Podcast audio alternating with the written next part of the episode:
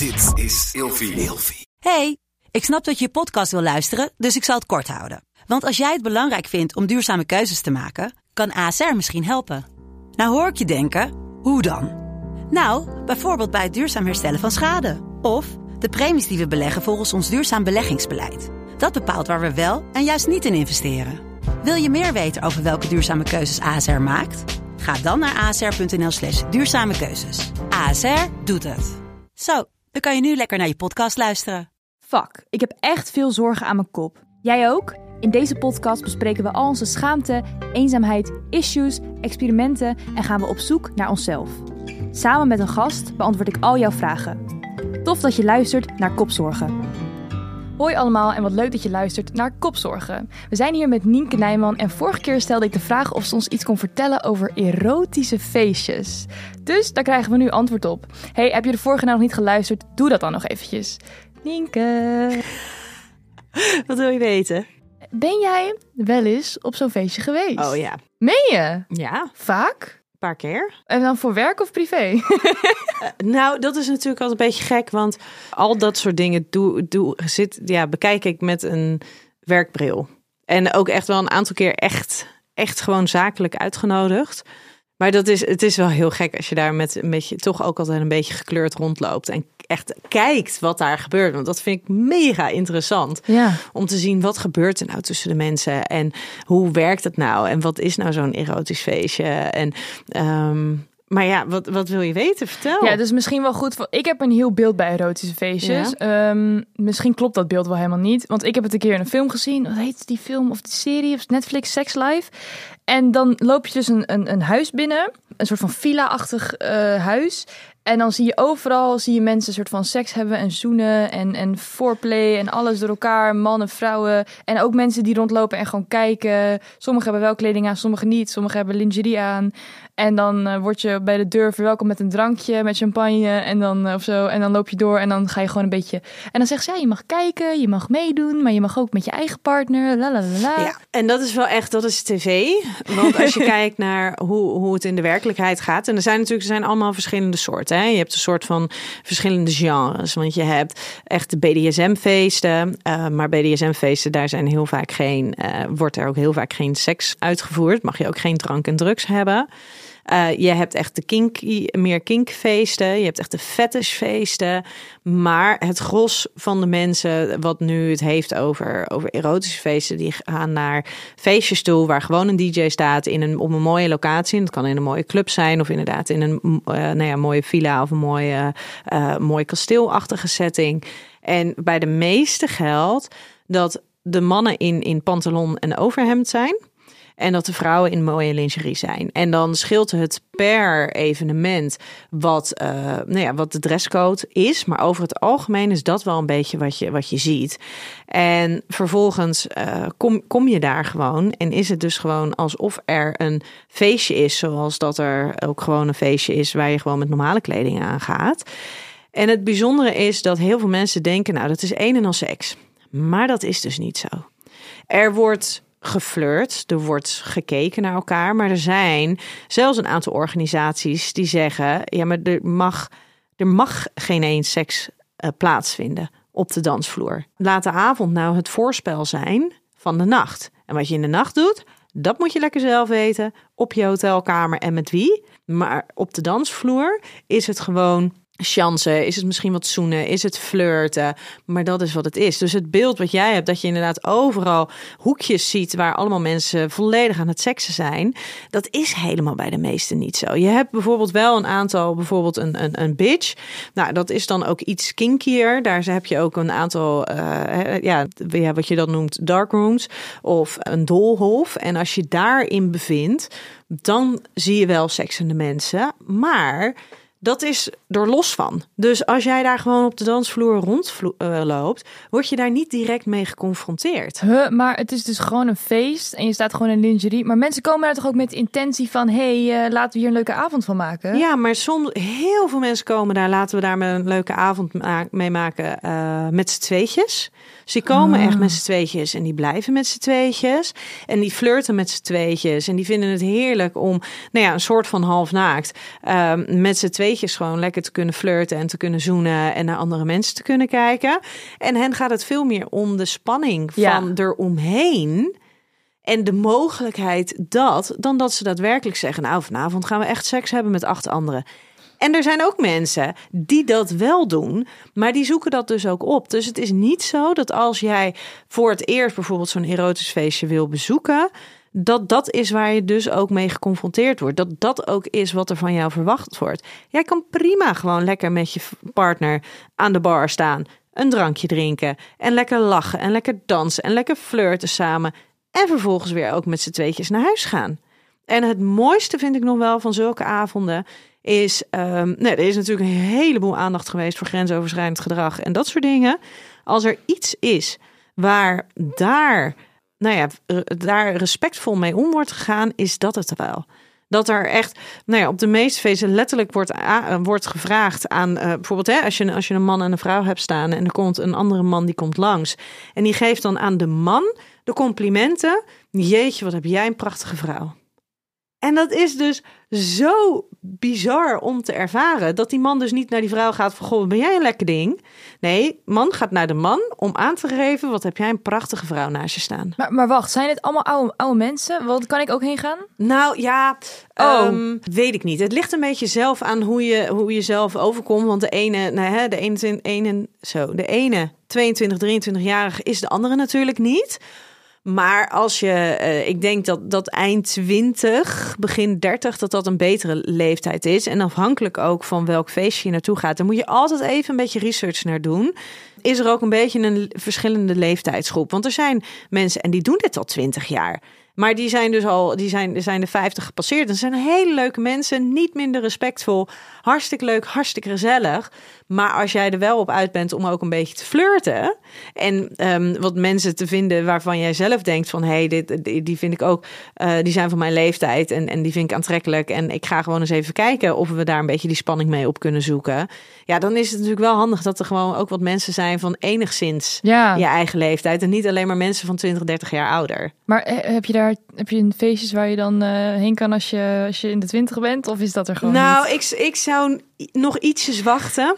En dat heeft er gewoon alles ook mee te maken met dat je je gewoon wel echt comfortabel daar moet, moet voelen. Ja, want als er een man staat die de le- leeftijd heeft van mijn vader, dan voel ik me al niet comfortabel, denk Ja. ik. Ehm, maar dat heb ik ook in de sauna niet. Dus weet je, laten we gewoon doorgaan. Ik ben benieuwd wat je vindt van de volgende vraag. Mijn vriend zou graag een keer anale seks willen hebben en ergens wil ik dit ook wel proberen, maar toch durf ik het niet omdat ik bang ben dat het pijn doet. Hoe kan ik over deze mentale barrière heen komen? Ehm, nou, in eerste instantie weten dat anale seks in principe gedurende een langere of kortere periode altijd pijn doet. Want als je kijkt naar de anus, dat is geen, dat is een, een, kringspier. Dat is niet een, ehm, zoals de vagina, iets wat is opgemaakt om, om penetratie te ontvangen. Weet je, dat werkt natuurlijk met de anus gewoon anders. En die kringspier, die, die is in principe wel ietsjes oprekbaar, maar daarvoor moet je goed ontspannen zijn. Nee, wanneer ben je goed ontspannen? Vaak als je eh, opgewonden bent. Als jij al bang bent voor de pijn, ga je alles aanspannen, gaat er niks van komen, gaat het niet gebeuren. Maar je moet dus weten dat ook degenen die anale seks heel erg lekker vinden, die eerste paar seconden zijn altijd een beetje gevoelig. Maar een beetje gevoelig of echt pijn? Nee, dat, is, dat ervaart iedereen op een andere manier. Dat ervaart iedereen echt op een andere manier. Want als jij denkt, oh jeetje, ik heb, eh, dit doet pijn. En jij gaat aanspannen, want dat is een reactie Ja. op pijn. Of eh, zeg maar anticiperen op de pijn. Dus dan, dan ga je aanspannen. Ja, dan, dan wordt die kringspier, die wordt ook aangespannen. En als je dan gaat doorduwen, ja, dat doet gewoon pijn. Dat is niet fijn. Dus als je, als je dit wil doen, dan zijn er een paar dingen onwijs belangrijk. Doe het als je echt opgewonden bent. Want dan ben je ontspannen. Eh, dan zijn die remmingen minder. Is die walging minder. Dan is het gewoon een stuk, nou ja, een stuk makkelijker. Gebruik glijmiddel in overvloeden, desnoods. En als je het niet wil, doe het gewoon niet. Ja, maar ik heb het gevoel dat er een heel. Dit had, deze vraag had ik letterlijk kunnen stellen. Want ik heb het wel eens gebeurd. En toen dacht ik van holy shit, er zit er zo ver in. En toen zat er letterlijk een puntje in. Dat Ja. ik echt dacht, what the fuck. En dat was de eerste en de laatste keer dat ik dat heb geprobeerd. Maar ik heb het idee dat het echt zo'n porno-idee is. Van laten we dit doen, want het is schuil. Want het hoort ook, het hoort ook eigenlijk niet tussen aanhalingstekens. Mijn vriendjes die wilden dat altijd proberen. En ik dacht van, maar waarom dan? Want ik heb ook gewoon, dit werkt ook gewoon, weet je Ja, wel? het is bij mannen is het vaak toch een, een nou ja, is, is het een heel opwindend iets. Why? Nou ja, ik denk in, ik ben geen man, hè. Ehm, Maar je ik spreekt er denk wel veel. Dat is helemaal waar. Maar dit stukje, daar heb ik ook altijd mijn eh, verbazingen over. Maar heel veel mannen vinden het lekker om te geven en om te ontvangen. Ehm, maar het is ook een stukje, als je kijkt naar de, dat dat dus een kringspier is die niet heel erg veel oprekt, is het natuurlijk ook hartstikke veel stimulatie. Want het is als het ware veel nauwer dan de meeste vagina's. Ja. Als een vagina, als, die, als, je, als je opgewonden bent en, en je bent ontspannen, dan kan die vagina die kan heel erg oprekken. Dus dan kan het wel lekker voelen nog steeds. Het is gewoon hartstikke fijn. Maar echt de directe stimulatie, die is vaak gewoon een stuk minder. Dus echt dat, dat beetje dat strakke, strakke gevoel dat je ook kan krijgen als je, als je aan het masturberen bent. En bij anale seks, daar is natuurlijk gewoon de stimulatie is daarin veel intenser. Ja. Maar wat je natuurlijk ook kan proberen, is dat als je, als je anale seks wil proberen, ga dan niet gelijk voor eh, penetratieseks met de penis. Is Je een vinger of zo. Pak een vinger. Ja. En je hebt ook speeltjes, ehm, echt speciale anale speeltjes, die gaan van, nou ja, eh pinky grootte naar wat groter. Op die manier kan je het natuurlijk ook gewoon uitproberen. Ik heb er wel een vraag over, want er is iets waar niemand het over heeft voor mijn gevoel.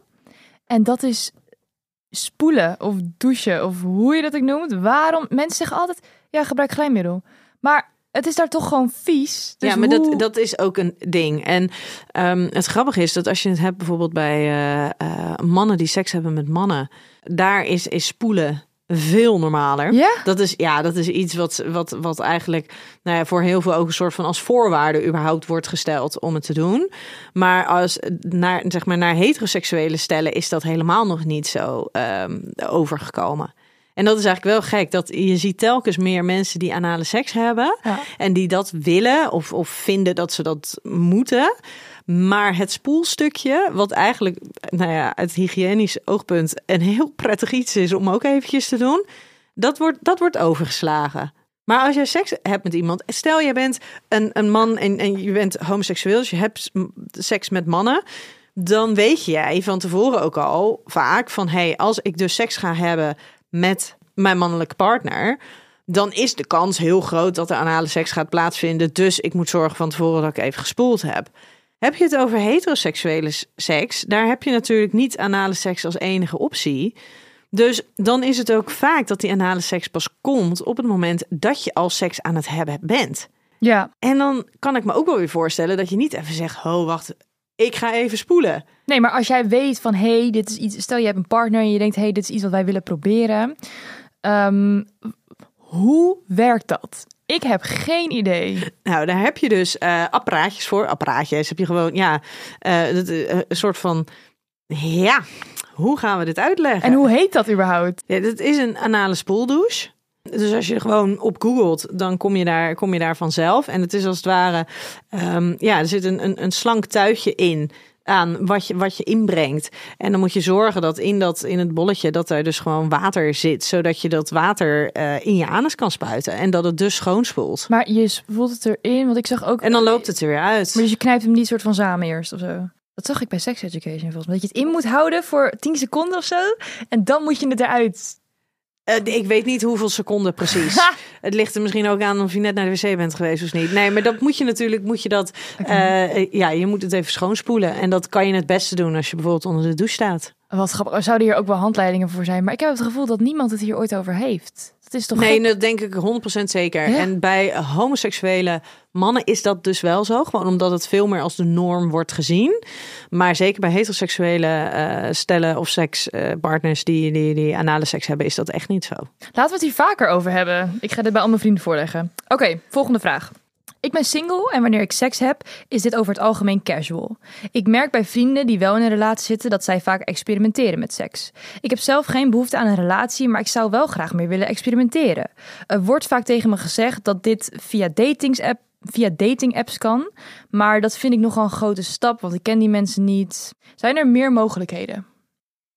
Nou, je kan natuurlijk sowieso je eigen seksualiteit, daarin kan je ook experimenteren. Ehm, wat je ook kan, waar je ook aan kan denken, uh, zijn bijvoorbeeld tantra-workshops. Dat zijn dingen waar je gewoon prima alleen aan deel kan nemen.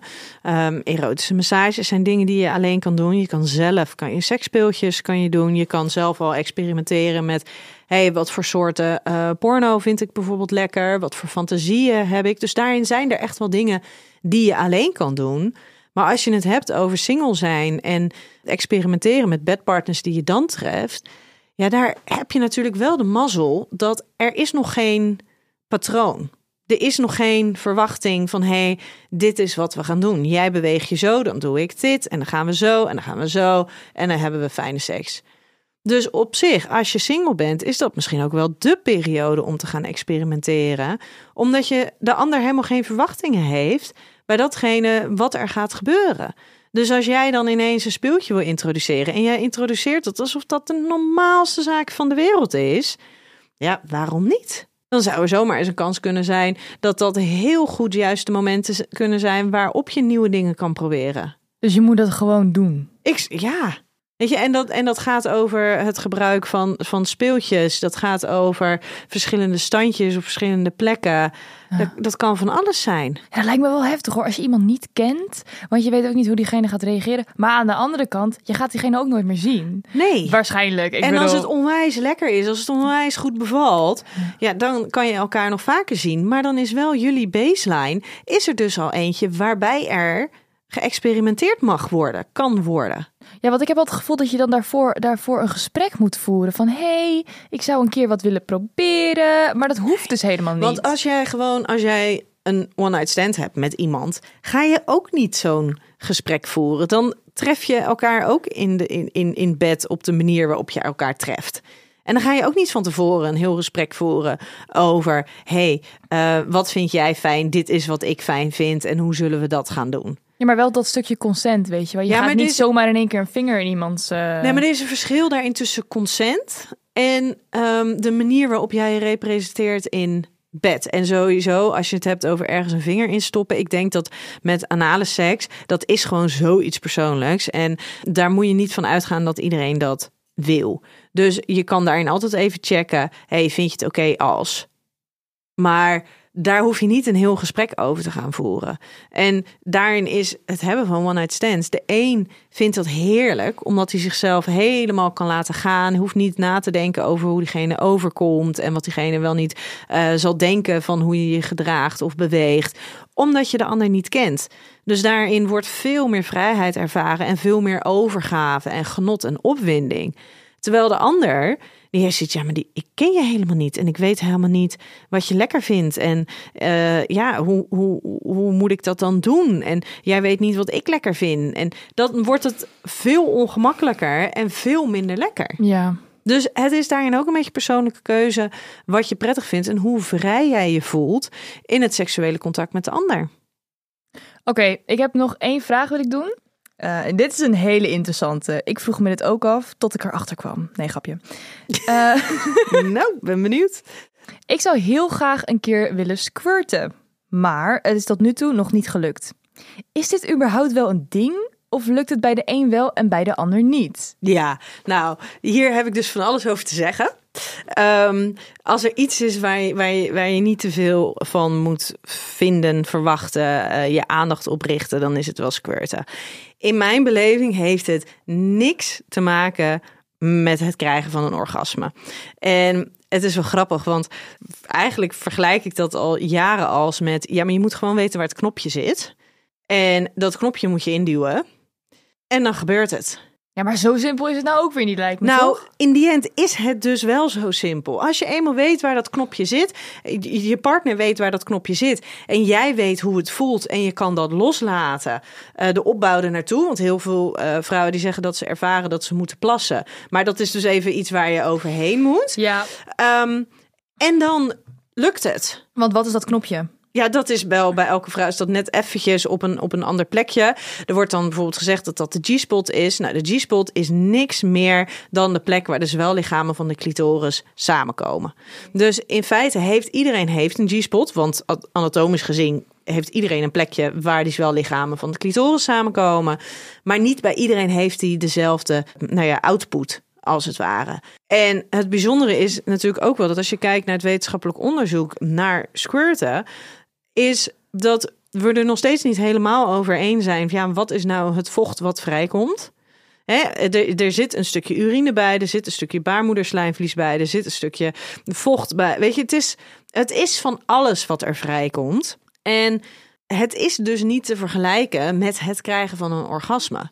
Nee. Het gevoel is heel anders. Maar het is wel echt een hype, heb ik Het het, is idee. 100% Of een vooral hype. onder jongeren. Ik heb dit zo vaak gehoord. Ja, maar ook onder, onder ouderen ook. Ja? Ja, en dat er dus echt een soort van, als je het hebt over bijvoorbeeld op, op, op thuis georganiseerde seksfeestjes, dus niet erotische feestjes, maar thuis georganiseerde seksfeestjes, is het af en toe een soort van wedstrijd wie het meest keer een, een, een vrouw eh, kan laten squirten. Oh. En ik, dat, ik vind daar dus van alles van. Ik voel daar van alles van. Maar in mijn beleving is het echt. Als je eenmaal weet waar dat knopje zit, nou, dan hoef je alleen maar dat knopje op de juiste manier te be- be- bedienen. En dan kan je dus gaan squirten.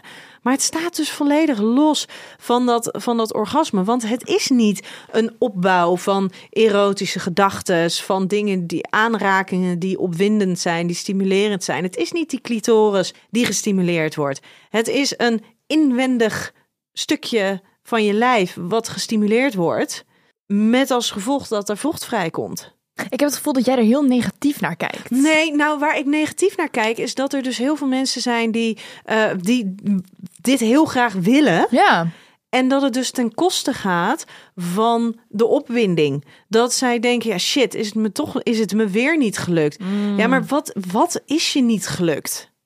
Ja, half plassen uit je... Het heeft niks te maken met ultiem genot en ultieme opwinding. Nou, maar het heeft wel iets. Want wat jij nu eigenlijk zegt, is eigenlijk iedereen zou het kunnen, maar je moet gewoon het juiste knopje... Nee, niet iedereen Oh. die kan het. Maar als je Ook het, niet. Nee, nee, nee. Want er zijn vrouwen en die hebben het heel vaak geprobeerd en daar lukt het niet. En voor de man, to be honest, is het vaak gewoon hard werken. Oh, rachen.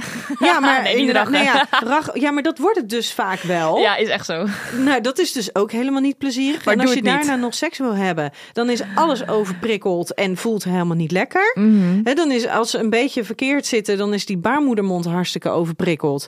Eh, ja, dat is helemaal niet opwindend. Dus ik, ehm, en er zijn mensen die vinden het, het het ultieme van het ultieme. Die vinden het heerlijk. Die vinden dat ze geen goede vrijpartij hebben gehad als ze niet hebben gesquirt. Oh. Maar dan heb je dus al geen goede vrijpartij hebben ergens aan dat je dat ergens aan verbindt. Ja.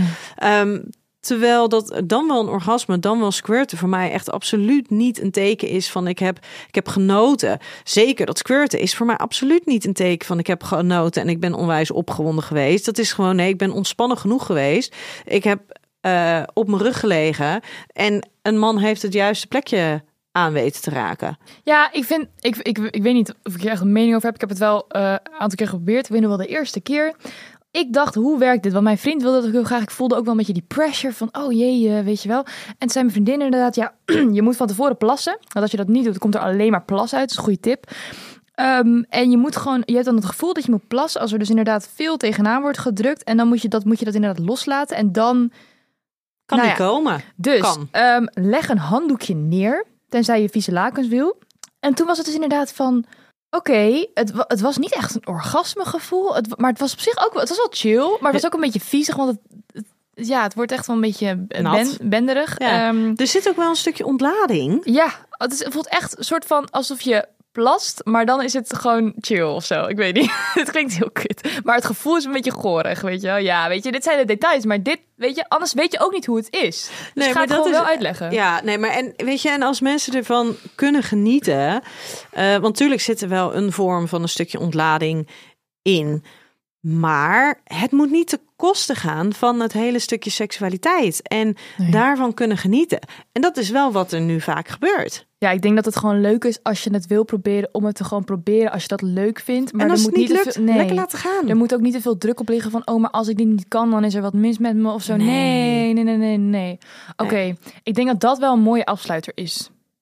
Helemaal goed. Tenzij je er nog iets over wil zeggen. Nee hoor, Jij, hebt veel hierover Ja. te zeggen. Ja, Oké, nou, Voornamelijk herhaling van hoor. ja, precies. We kunnen hier wel deelt over doorgaan, maar eh, ik denk dat het wel duidelijk is. Hey, dankjewel. Graag gedaan. Ik vond het heel, het ging echt snel, joh. Ja. Ik, vond dat je er wat van geleerd hebt. Ja, ik vond het heel verhelderend. Vooral over dat rollenspel. ik, ik zat al helemaal na te denken van, oh, dit ga ik doen, dat ga ik doen. Maar goed, daar gaat het niet om. We hebben echt ontzettend veel vragen binnengekregen over dit onderwerp. En nog lang niet alles is beantwoord. Dus heb jij nou ook een vraag over dit onderwerp? Stel hem dan op de Instagram van Kopzorgpodcast. En als we genoeg vragen binnenkrijgen, plakken we weer gewoon nog een deel aan. Want ik vond het superleuk en interessant. En als je een vraag hebt over een ander onderwerp, dan kan je die ook stellen via Instagram. Dankjewel voor het luisteren en tot de volgende keer.